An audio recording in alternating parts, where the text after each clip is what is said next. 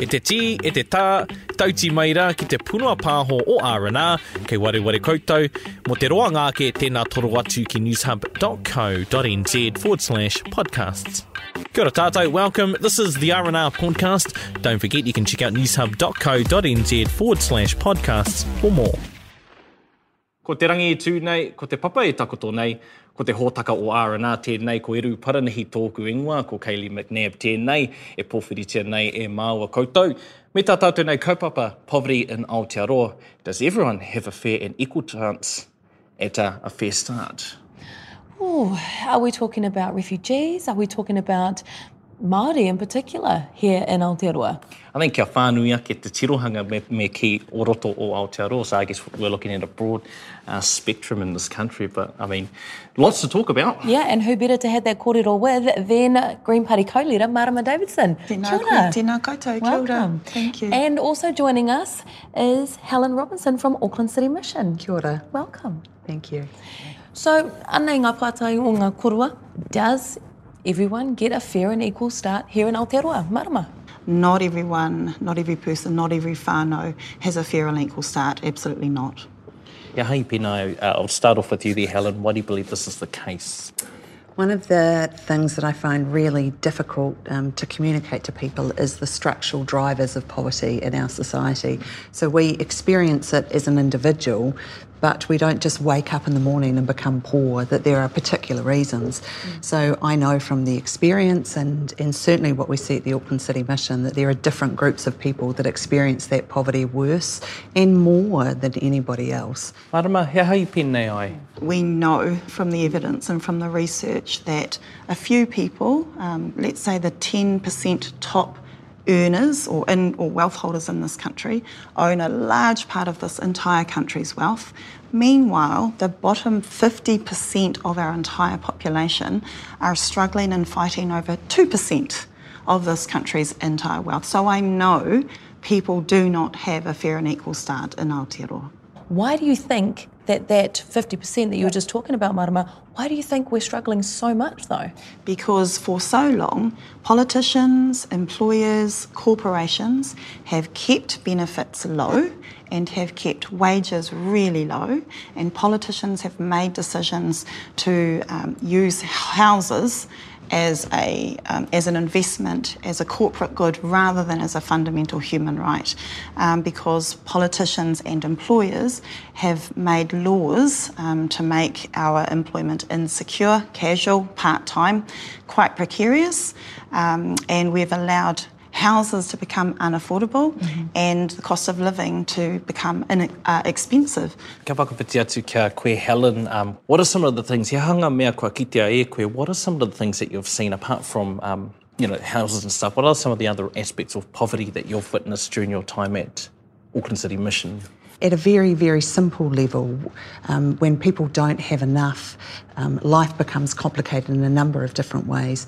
One of the, the big things that we see at the Auckland City Mission is the reality of food insecurity. So people don't have access to enough appropriate food. So, with the best information that we have at the moment, we believe about 10% of New Zealand is food insecure. So, about 500,000 of us don't have enough food every day to meet our needs. Because uh, e, me mihi ka tika kia koutou o Auckland City Mission, I must acknowledge you guys because I used to work around the corner from Auckland City Mission starting early hours in the morning and it actually used to break my heart, especially around Christmas time. You know, he roa ki te rārangi o ngā tāngata e tatari ana mō ngā kaimera, mo mō, you know, there was you know, a long line of people. What you've just said about um, uh, being heartbroken, I have to tell you, I am every day. Um, uh, in the last financial year, the City Mission distributed 23,000 food parcels to everyone who has a street address. So that's not people who are living on the street. So when you get to know those people and know their names and know their situations, it truly is heartbreaking. And I believe there is a variety of things that, that we can do in response. But first of all, and particularly here in this forum today, is to ask the question why.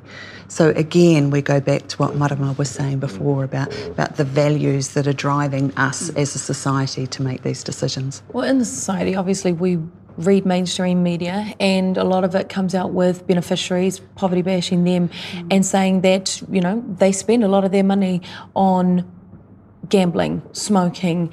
Uh, What's your whakaro on that? What's your response? Kei te mōhio hau ko te nuinga o ngā tangata o Aotearoa, um, e pirangi ana ki te tautoko i ngā whānau mm. uh, e noho rawakore. I know that our country is a kind and generous one, mm. but for far too long, um, again, um, leaders, uh, media and politicians have used poor people and poor communities as a way to whip up some frenzy, uh, quick vote, um, get some news clickbaits, and that dehumanising of people has allowed poverty to continue, has allowed us to keep voting for politicians and policies that keep benefits low and that keep wages low.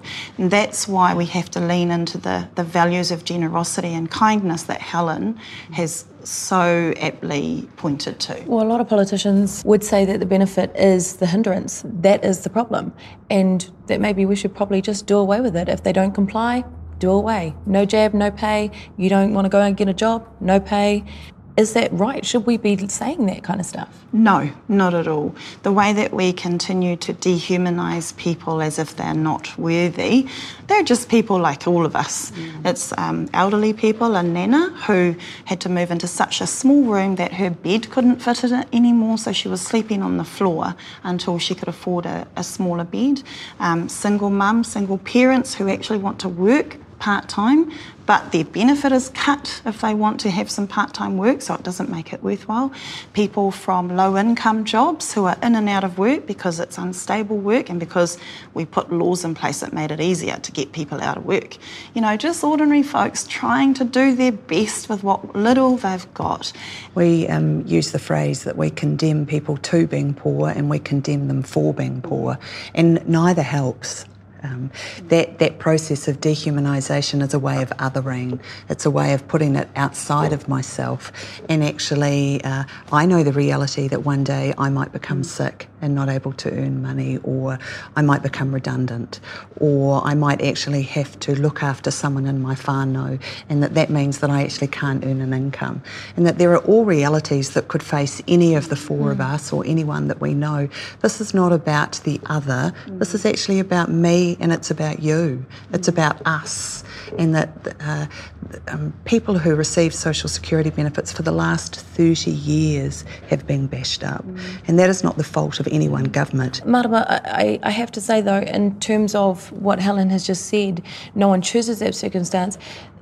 I do notice though that there's 20 to 40 billion in benefit fraud that they would happily go after, but there's, you know, one to six billion dollars 20 um, millions compared to the billions that In tax wealthy evasion. people Yeah. don't pay their taxes. But we're happy to convict up to 67% of beneficiaries and maybe just about 17 to 18% of tax evasions. We have long treated um, poorer people a lot differently um, than we do. We, we idolise the super elite and wealthy because we are told that's what success is, that's what we are all supposed to aspire to. So if you um, turn the spotlight onto super wealthy tax avoiders, you're going to ruin that dream, and that's what we are told. So we're supposed to buy into that. It's made poor people, low income earners a real easy mm. target. And I, I think, you know, to steal from Greta Thunberg, how dare we, how dare we use human beings as fodder for a narrative um, to enable the status quo to remain the same, to enable that big gap between people who are earning way more than anyone should ever earn and people who are struggling. If the government is giving out those handouts for food supplements, for uniform supplements, uh, for those aids, are we then hindering them? Are we not helping our whānau, our people, to help themselves get up off that rut and, and to help them to get out there and do other things? It, it assumes a whole heap of things. So it assumes that question, for example, that I'm physically well and able to. Mm. It also assumes that there is a job available for me that's appropriate.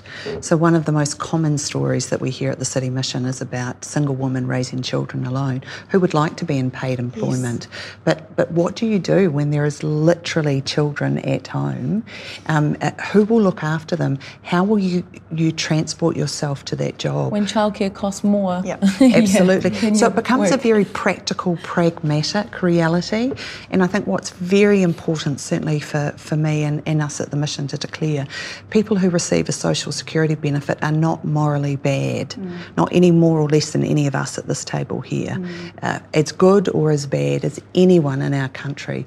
But for, for whatever reason, I believe that we have caught ourselves in a, in a context that actually allows that bashing up mm. and that, that I refuse to be part of a country that does that. If, um, ki te rawone ona um, mahi, if, if pay is a big issue and if whānau are struggling to pay their bills because they are overworked and underpaid, then why is it taking so long for the government to shift to that living wage and then some? So you have uh, many struggling at the bottom, you have a few at the top, and then you have a lot in the middle. All of the people in the middle don't recognise and feel the impacts of that struggle like that group at the bottom. And the middle is where politicians try and aim their vote at. And so, until we have a better understanding that we need to change our policies, increase benefits, improve incomes to a living wage, have more public and state houses, etc., um, then politicians won't make those hardcore political decisions. Helen, apihia te, um, te whakaro na kaupapa or that living wage, um, do you think that that's going to help some of the people that you see at the Auckland City Mission? Absolutely. The, the two clear ways to raise incomes is to ensure that everybody's on the living wage mm. and also to follow the, the advice of the Welfare Expert Advisory Group and raise the level of the social security benefits. We're very, very clear. I'm also conscious as someone who isn't a politician that, that part of the discourse that goes on is that, that we are blaming our politicians, and I don't want to let them get away with anything. and actually, I want to acknowledge my own responsibility and our own responsibility. The reason that we have about 500,000 people in our country who don't have enough food is because we as a society are allowing that. So, what is it that we can all be doing actually in, in each of our roles? And I agree, this conversation today is so critical and so important because one of the things I see and hear often is that people genuinely are not hearing the voices of those who go without. And of those 500,000 numbers, um, according to according to the last census, more than 124,000 of those are children. How concerning is that? heartbreaking, like you said before. And, and it is children, and it is Māori, and it is Pacifica people, and it is women. Mm-hmm. Very, very clearly, these are the structural drivers of poverty. And I, I really agree, the conversation is not where it needs to be. I get so frustrated because I, I have a sense that we're talking about things that really aren't uh, critical or core to the issue. Um, uh, what do we need to do as a country to acknowledge the reality of racism? Mm. What do we need to do as a country to understand um, the place of women, and particularly women raising children alone? Why are we devaluing that, and why are we allowing that to be devalued? What role does institutionalised racism play when it comes to poverty? A huge role. And even if you go right back to um, the people, uh, a lot of the wealth from this country has been made on the backs of stolen land, mm. land that has been removed from our whānau Hapuaniwi economic base. a lot of wealth has been made on the back of land and whenua that was taken away from us, and that wealth hasn't come back to us. I'm talking about my own hapu in Whirinaki, Te Hikatu and Hokianga. And part of it is understanding the insidious nature of that institutional racism that you talk about.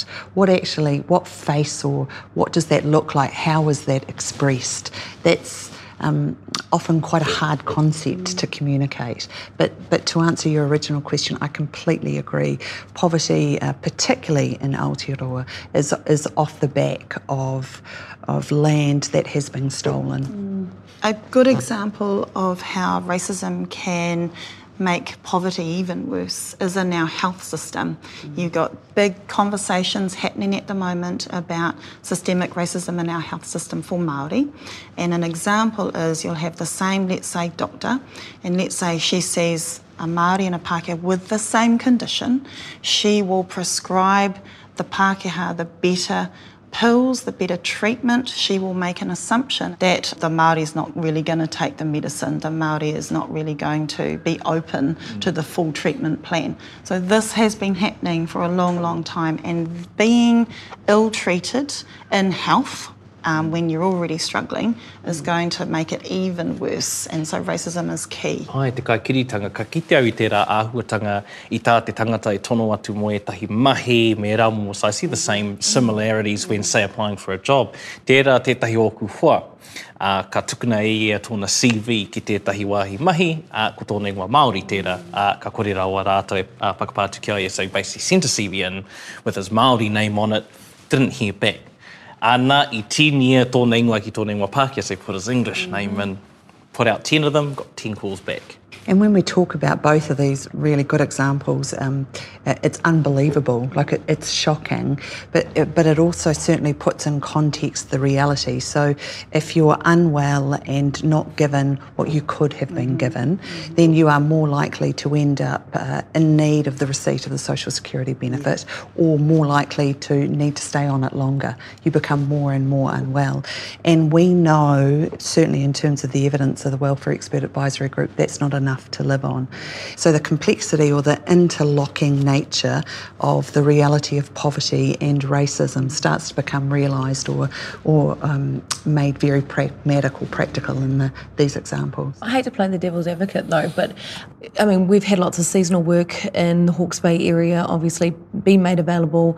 No one wants to go and work it, so therefore they've had to go and overseas. Are we just kind of being a little bit more entitled and just taking advantage of those offerings that are there? No, no, we're not. Um, and the employment, the jobs, the paid employment need to be suitable, needs to be appropriate, needs to be enriching Somebody's got to be able people. to pick up rubbish. Somebody's yeah, got to and, clean. and they have to be paid properly as well. Yeah. And that's why we have to have a minimum living wage for all jobs. Yes. Um, and that's why our houses need to be affordable unless we want our cleaners our teachers even to yeah. live out of Auckland, who then have to work in yeah. Auckland. So no, we are not an entitled nation. Um, we've got uh, systems and laws in place which entrench poverty further, which keep people struggling. Um, those few examples that we can sometimes say, oh, but hang on, they're getting a real good deal. There are a few examples. In the main part, people are just struggling and want to do better for their families and their children. They want to, if they are able to, be in good paid employment that fulfills them, mm. not mm. demoralising employment. Yes. And that's what our country is. That's what our families and our people are made up, not a whole bunch of lazy buggers. Yes. And I, uh, I, over my career, would have spoken to hundreds, if not thousands, of people in receipt of a benefit, and not once have I genuinely heard that it's enough. Mm. I feel like one of the discerning uh, things within our, our country is every time, ia te waka heke te utu o te penehini me ki, when petrol prices go up, you know, there's a flow on effect, the cost of food mm-hmm. goes up and yeah. other things. However, though, the wages don't mm-hmm. go up. That's right. And so, therefore, you're seeing more and more people basically go into a bit of a hole. Um, ka takahi rātou, um, kei raro i te rārangi, going under the poverty line and that. Is that, sort of, is that also a contributing factor towards poverty within this country? Yeah, we absolutely have kept our wages and our incomes low. Um, so that is how we have continued to entrench poverty again as well, which is why the solutions are almost staring at us in the face. Um, and the, again, the Welfare Expert Advisory Group were very clear, and we are very clear, the Green Party, that the first we could do overnight increase core benefits. Mm that immediately yeah. would start to bring people out of living in the trenches of poverty, would start to help a tamariki of this nation. It's a political choice to not make that happen. Marama, pehea te, hik, uh, te hikinga o, o taua nei utu? Well, e ai ki te Rōpū Welfare Expert Advisory Group, we would need to increase benefits from between 12 to I think it's 47%. Um, that's across the range of core benefits. That's how low they are, folks. That's how low we've kept on that. benefits well out of reach of being able to survive without going into huge debt or hardship. Uh, e Helen, um, ki tau e whakapai ana, he hanga whakawhiwhinga o, te tip, o ngā mea pera i te DPP, i te sickness benefit, me era momo. Part of the problem with um, the structure of our benefits at the moment is that they are highly, highly structured and itemised. I wish I had an ability to say that this is what an average person would be on, because actually uh, that average depends on if you're raising children, if you're in a relationship, if you're sick, if you're able to work, if you have been uh, receiving a disability allowance that you spoke about before. And what certainly interests us at, at the mission is that, that one of the, the clearest increases has been the demand for food. Mm-hmm. So you can receive a core benefit and you can go to work and income and you can say, Can I please have some extra help for food? Now, that request for that supplementary support has risen more in recent mm. times than it is ever has in the last 30 years. At a very, very simple level, hundreds of thousands of people in our country are not receiving enough food. Yeah. Helen's right. that It, it varies, so many different variables. But let's say um, a, a single parent with two or three children, after she's paid the rent um, and you know a bit of petrol for the car, she might be left with for uh, for a fortnight seventy dollars to feed, to pay the power bill, let alone anything else that comes in. So seriously, like this is not a life that people can't wait to have. Yeah, gonna get on a Benny Awesome. You know, this is just what people are forced to do, forced to tolerate. Uh, another example are also people on a um, people who are not well enough and have a condition or a disability that prevents them from being in full-time paid work. We need to understand that they are making a contribution in a whole lot of other ways that uh, being in paid employment is not the only valid way to make a contribution in this country. That the volunteer mahi, um, that just simply being, being and living and being alive and living with dignity in and of itself is a contribution to the strength of our communities. Uh, Helen, um, kua kitea e koe um, ngā rerekētanga mai te kāwanatanga o tēnei rā, have you seen much of a difference from some of the policies that this current government um, have implemented, and if so, what? What we understand at the Auckland City Mission is that the poverty that we see today is the result of at least 30 years of social policies. So that is not going to be undone in, in two years of a three year term. What, what we do know of the current government is their absolute commitment to ending poverty and to creating a compassionate society towards that end. And, and I will stand with that set of belief. Uh, we have a long way to go. My belief is that we need to do things bolder, stronger, and faster. However, Helen's right, this government has made important steps, extending working for families to um, hundreds and thousands more people and more children, removing the penalty for not naming the other parent on your child certificate immediately returns, I think, $20, Helen. That's a big deal. $20 is a big deal. I remember when $20 was a big That's deal. a few loaves of bread and some milk. Right. Some dinner, Absolutely. maybe. Right, Yeah. yeah. that's a whole two meals for some families. Um, things like um, we have now tagged income, uh, benefit income increases to wage increases. That should have happened 30 years ago, actually. Mm. So it's good. It's good that these things have happened. It's good that we are funding emergency housing support all around the country. Really important, good steps. And people will need to support us to continue to making those bold steps. I still want to see massive increase in public and state housing, living wage, increased core benefits, a progressive tax system. Those are the sorts of things that we still need to do. What we are calling for at the Auckland City Mission is a national strategy for food so that we can feed all our people well and sustainably now and deep into our future. Well, ka mātua i nā kōrero, uh, ko tai tātou ki te whakamutinga o tēnei hōtaka, engari me mihi kātika ki tā tātou nei manuhiri i tēnei rā, Marama Davidson. Kia ora. Kōrua ko Helen Robinson, e mihi ana ki kōrua. Thank you very much, Marama and Helen, for taking time out and to bring light to this kōrero. Well, whānau, Ko mate te mahi. Nā reira, hea te kai a te rangatira, he kōrero, he kōrero, he kōrero. Kia te kai o R&R, he muramura, he muramura, he muramura. Mā te wā. You've been listening to the R&R podcast. Go to newshub.co.nz forward slash podcasts to hear more. Kua whakarongo koe ki te punua pāho o R&R. Mō te roa ngāke, tēnā toro atu ki newshub.co.nz forward slash podcasts.